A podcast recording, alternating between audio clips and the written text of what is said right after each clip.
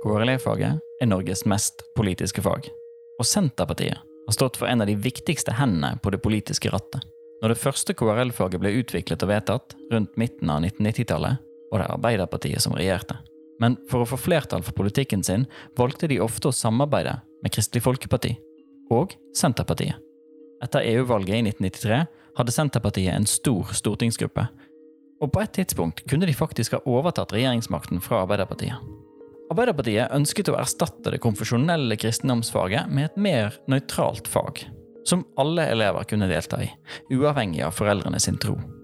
Men så var det dette flertallet. Verken Kristelig Folkeparti eller Senterpartiet ville akseptere at kristendomsfaget forsvant fra norsk skole. En periode var det nesten kappstrid mellom de to partiene om å være kristendommens største venn på Stortinget.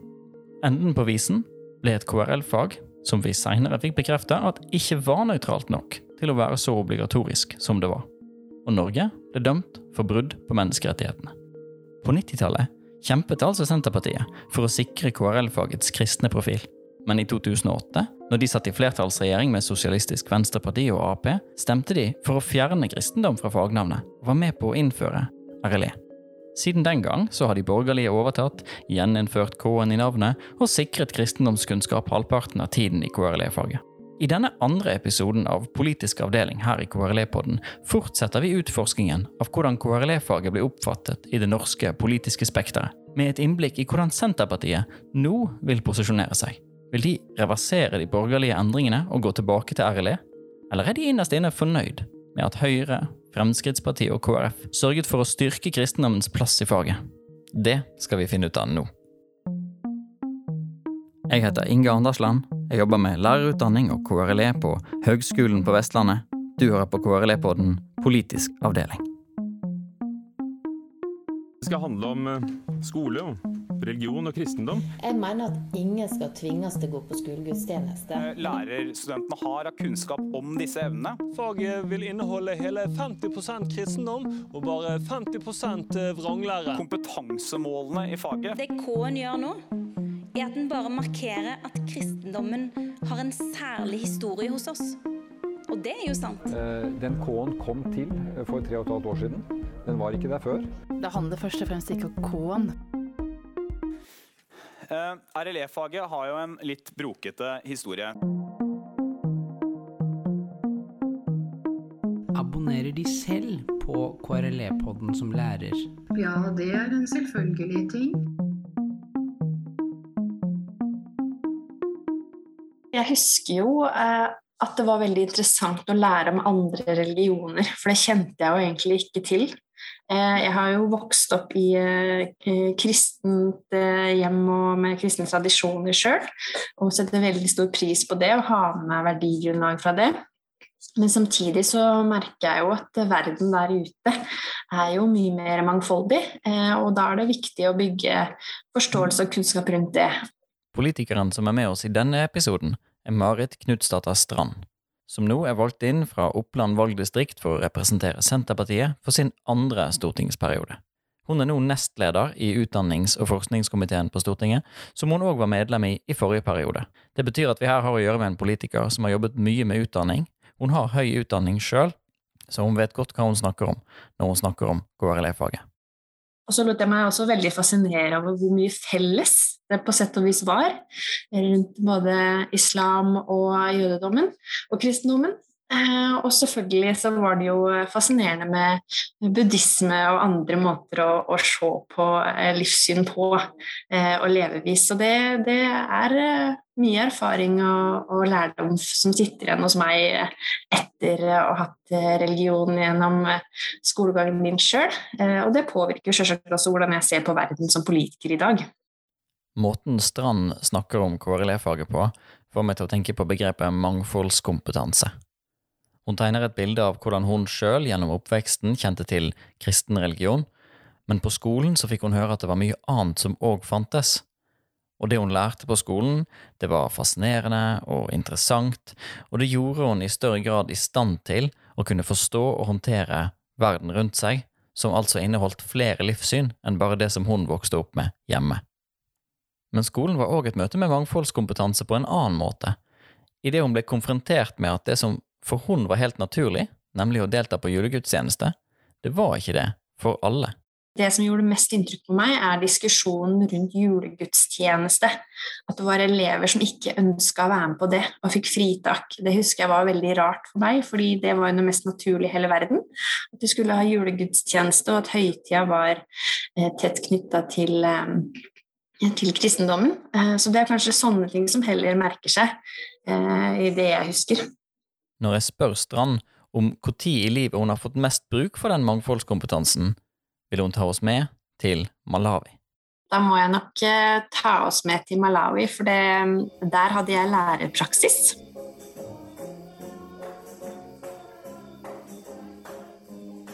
Og det er et veldig interessant land hvor eh, religion eh, er De lever eh, mye mer eh, i sameksistens, og isla, islam og kristendom og litt mer lokal tradisjon og kultur eh, flyter ikke over i hverandre, men de lever veldig tett på hverandre. Så det er en naturlig integrert del av lokalsamfunnet, alt. Eh, og der ble vi invitert med inn som studenter i de ulike eh, eh religiøse seremoniene. Så da var vi jo fra nærmest gospel og alt vi forbinder med eh, mørke mennesker som synger og klapper og er kristne eh, til fingertuppa, eh, til også det å kunne bli med inn i moskeen, eh, hvor det der selvfølgelig er eh, litt mer konservativt eh, regime. men til gjengjeld så var jo alle, alle veldig verdiorientert og hadde veldig respekt for hverandre. Og da kjente jeg jo at det jeg hadde lært på skolebenken sjøl, i KRL, som det het da, eh, det eh, var veldig nyttig å ha med seg for ikke å være redd, nærmest, da, for det jeg møtte. For da visste jeg jo faktisk hva som var innafor dørene på den moskeen, i hvert fall etter læreboka. Eh, og så var det jo klart at det er veldig annerledes så jeg turte faktisk ikke å bli med på eh, en eh, full seremoni eh, inne i moskeen. Eh, men, eh, Og det var nok kanskje litt gruppementalitet rundt det. At eh, da måtte jeg gått aleine. så jeg turte ikke det. Men vi var nå i hvert fall velkommen inn, og det var veldig inspirerende å se at det går an å være så rause med hverandre og åpne, og at det er ikke noe farlig. Og vi ble jo godt tatt imot um, på alle vis i alle ulike religioner der. Så Malawi sitter igjen som et veldig sånn raust og inkluderende samfunn for meg, også når det gjelder religion, til tross for at de er et av verdens fattigste land også. Strand tegner et bilde her av hvordan det å ha hatt KRL på skolen og lært om islam, gjør at når hun møter det som voksen i et helt annet land, i en helt annen del av verden, så vet hun noe om det, og den faktakunnskapen er med og gir hun noe konkret, og kanskje noe trygt, i møte med noe som hun egentlig kjenner ganske lite til. Og så forteller hun at hun deltar faktisk ikke, og kanskje det var på grunn av de andre som var der, at hun kanskje hadde deltatt i en annen setting, men i alle fall så har faktakunnskapen som hun har med seg fra skolen, vært med å åpne opp noe og gjøre hun litt tryggere, som gjorde at hun kunne få denne opplevelsen der på en måte den kulturen hun møter i Malawi, blir noe inspirerende og noe oppløftende, og noe som hun tar med seg i sitt eget syn på verden videre. Dette er et interessant eksempel på at det med mangfoldskompetanse òg kan ha å gjøre med faktakunnskap, som er noe vi diskuterer i religionsdidaktikken. Er det sånn at vi får den beste mangfoldskompetansen gjennom å fokusere på prosess, hvordan vi lærer og hva som er bra måter å lære på, eller handler det om at det er noen ting vi må lære om konkrete religiøse tradisjoner, og at det at vi lærer disse tingene, det gjør oss tryggere? Det er en av de faglige debattene jeg sjøl syns det er vanskeligst å vite hva jeg skal mene om. Og vi kan på en måte se på det som Strand forteller her, som et innlegg i diskusjonen i alle fall enda et sånt vitnesbyrd om hvordan det der med mangfoldskompetanse faktisk kan komme konkret til uttrykk. Når vi snakker om KRLE-fagets plass i skolen som helhet, er Strand opptatt av å løfte fram de mulighetene som kan ligge for å skape god mestring i et levende og godt KRLE-fag. Elevene blir motivert av eh, å bygge, eller ha, ha mestring, oppleve mestring, og bygge ferdigheter i flere fag. Eh, og det kan variere fra elev til elev hvor man klarer å hente den motivasjonen og oppleve den mestringa. Da kan det godt hende at eh, KRLE kan være et sånt fag for mange elever. Vi bruker jo eh, reelt sett store offentlige midler nå på etter- og videreutdanning. Og så mener Senterpartiet at det er eh, rett og slett en slags skakkjøring da, som forsterker den, teori, eh, den tunge teorien som skolen blir prega av. At det bare er norsk, eh, matte og engelsk som er eh, satsingsområder og at kanskje elever som er gode på å reflektere eller ha med seg religion fra heimen, eller bare er ekstremt nysgjerrig, så kan jo KRLE-faget være nettopp det faget hvor de opplever mestring. Og da er det jo et poeng at lærerne der også har mulighet til å, å fylle på. Og det handler jo selvsagt også om kommuneøkonomi, og man har mulighet til å sende lærerne på kurs. For er, vi vet jo at det er mange flere som søker om plass enn de som får plass. Så dette er noe Senterpartiet definitivt vil jobbe videre med. og og sørge for at vi får etter- og videreutdanning også innen flere fag. Men så var det dette med spenningen mellom RLE-faget, som Senterpartiet var med å vedta, og de borgerlige endringene som har skjedd, som gjør at vi nå har KRLE. Er det sånn at Strand er opptatt av at nå må det bli endringer med KRLE, og nå må vi tilbake til RLE? Det er viktig at vi som politikere lar nye læreplaner få virke. Eh, det har vært eh, mye politisk aktivitet eh, rundt både læreplaner og, og KRLE-faget. Så nå tenker jeg det er et poeng i seg sjøl at vi lar nye læreplaner få virke, og lærerne får sette seg inn i det, elevene får høste erfaringer og, og, kjenne på hvordan det er å lære eh, med de nye læreplanene som ramme. Eh, og så må vi ta oss tid til å høste erfaringer og evaluere hvordan ting fungerer, før vi eventuelt gjør nye grep. Så det med ro er nok kanskje det viktigste eh, som Senterpartiet og jeg er opptatt av nå i tida som kommer. Nei, det hun trekker fram, er at faget skal få ro og stabilitet, og tid til å virke. Dette synes jeg er interessant, fordi jeg tror at selv om Senterpartiet nok kan oppfattes som et konservativt parti som ønsker å bevare og holde liv i og stimulere det som allerede fins, så er de jo òg ganske ivrige på å gi beskjed om ting som de syns bør forandres. Så når dette med ro og stabilitet og tid til å virke er det som Strand kommuniserer om KRLE-faget, så tror jeg vi kan tolke det som et signal om at hun egentlig er ganske fornøyd med sånn som utviklingen har blitt. Når eh, K-en kom tilbake i KRLE, så var vi jo på den annen side eh, skeptiske igjen, fordi det var jo egentlig ganske unison eh, motstand mot det. Eh, og også nå i utarbeiding av nye læreplaner at man burde ha mer åpen tilnærming. Men så er det likevel sånn at når det kommer konkret til akkurat dette med K, eller kristendom i navnet på faget, så er Senterpartiet fremdeles mot det. I alle fall sånn prinsipielt men altså ikke mer enn at det godt kan være ro rundt dette faget som nå heter KRLE. Og det er ikke så rart, syns jeg, fordi for Senterpartiet så har kristen og humanistisk arv og tradisjon mye å si for samfunnet. Ja, Strand sier at den er viktig. Jeg tenker definitivt at den er viktig. Eh, og så er det samtidig nødvendig å ha rom for ulik åndsfrihet og religionsutøvelse. At det, menneskeverd og naturen, åpent verdisyn, eh, og at vi må klare å, å leve side om side med ulike religioner i nyere tid, også er viktig. Eh, og så er det for Senterpartiet sin del så er vi også programfesta eh, dette med at eh, i, i, det programmet vi har i dag, så prater vi faktisk om dette med et pluralistisk samfunn, eh, som i utgangspunktet da handler om, om, nettopp dette med flere religioner og livssyn som lever eh, i samkvem og i trivelig sameksistens. Og at man kan likebehandle alle innbyggere da, uavhengig eh, tros- og livssyn. Eh, det mener vi er viktig. og at det offentlige må spille en eh, viktig rolle på å understøtte folks mulighet til å utøve tro og livssyn. Så ligger jo kultur og tradisjon i grunn for hvordan vi ser eh, Norge i dag. Men det tenker jeg ikke må stå i veien eller hindre at vi kan være åpne for framtida. For da tenker jeg at nettopp menneskeverdet og verdigrunnlaget er jo noe av det som er viktig i religion.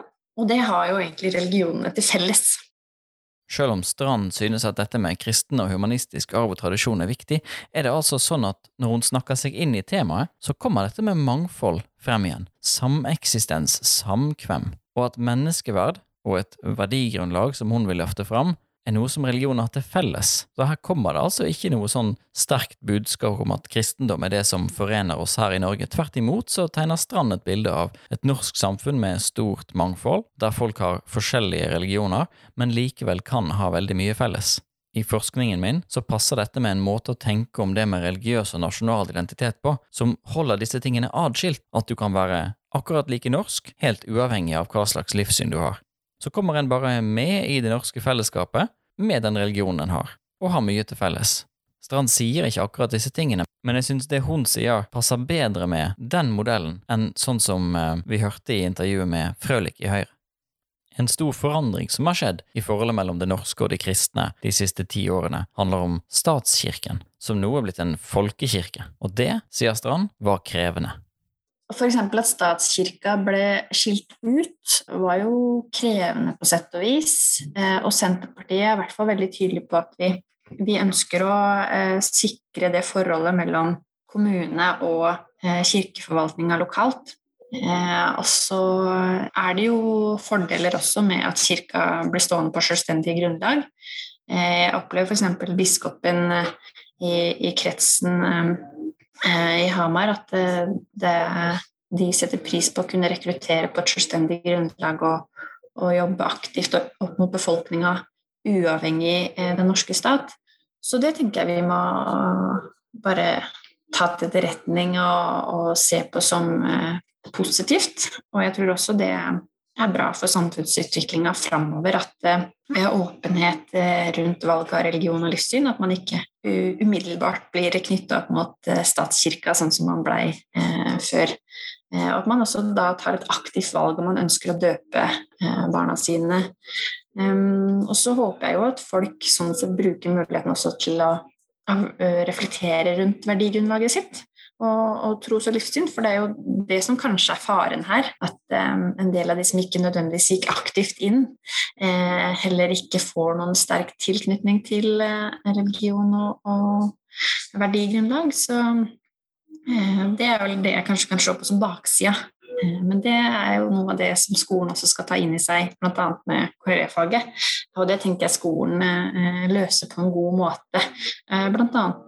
gjennom formålsparagrafen i opplæringsloven, som er, er tydelig på hvordan vi skal løfte og danne disse unge til å bli selvstendige og individ og voksne mennesker som skal takle verden.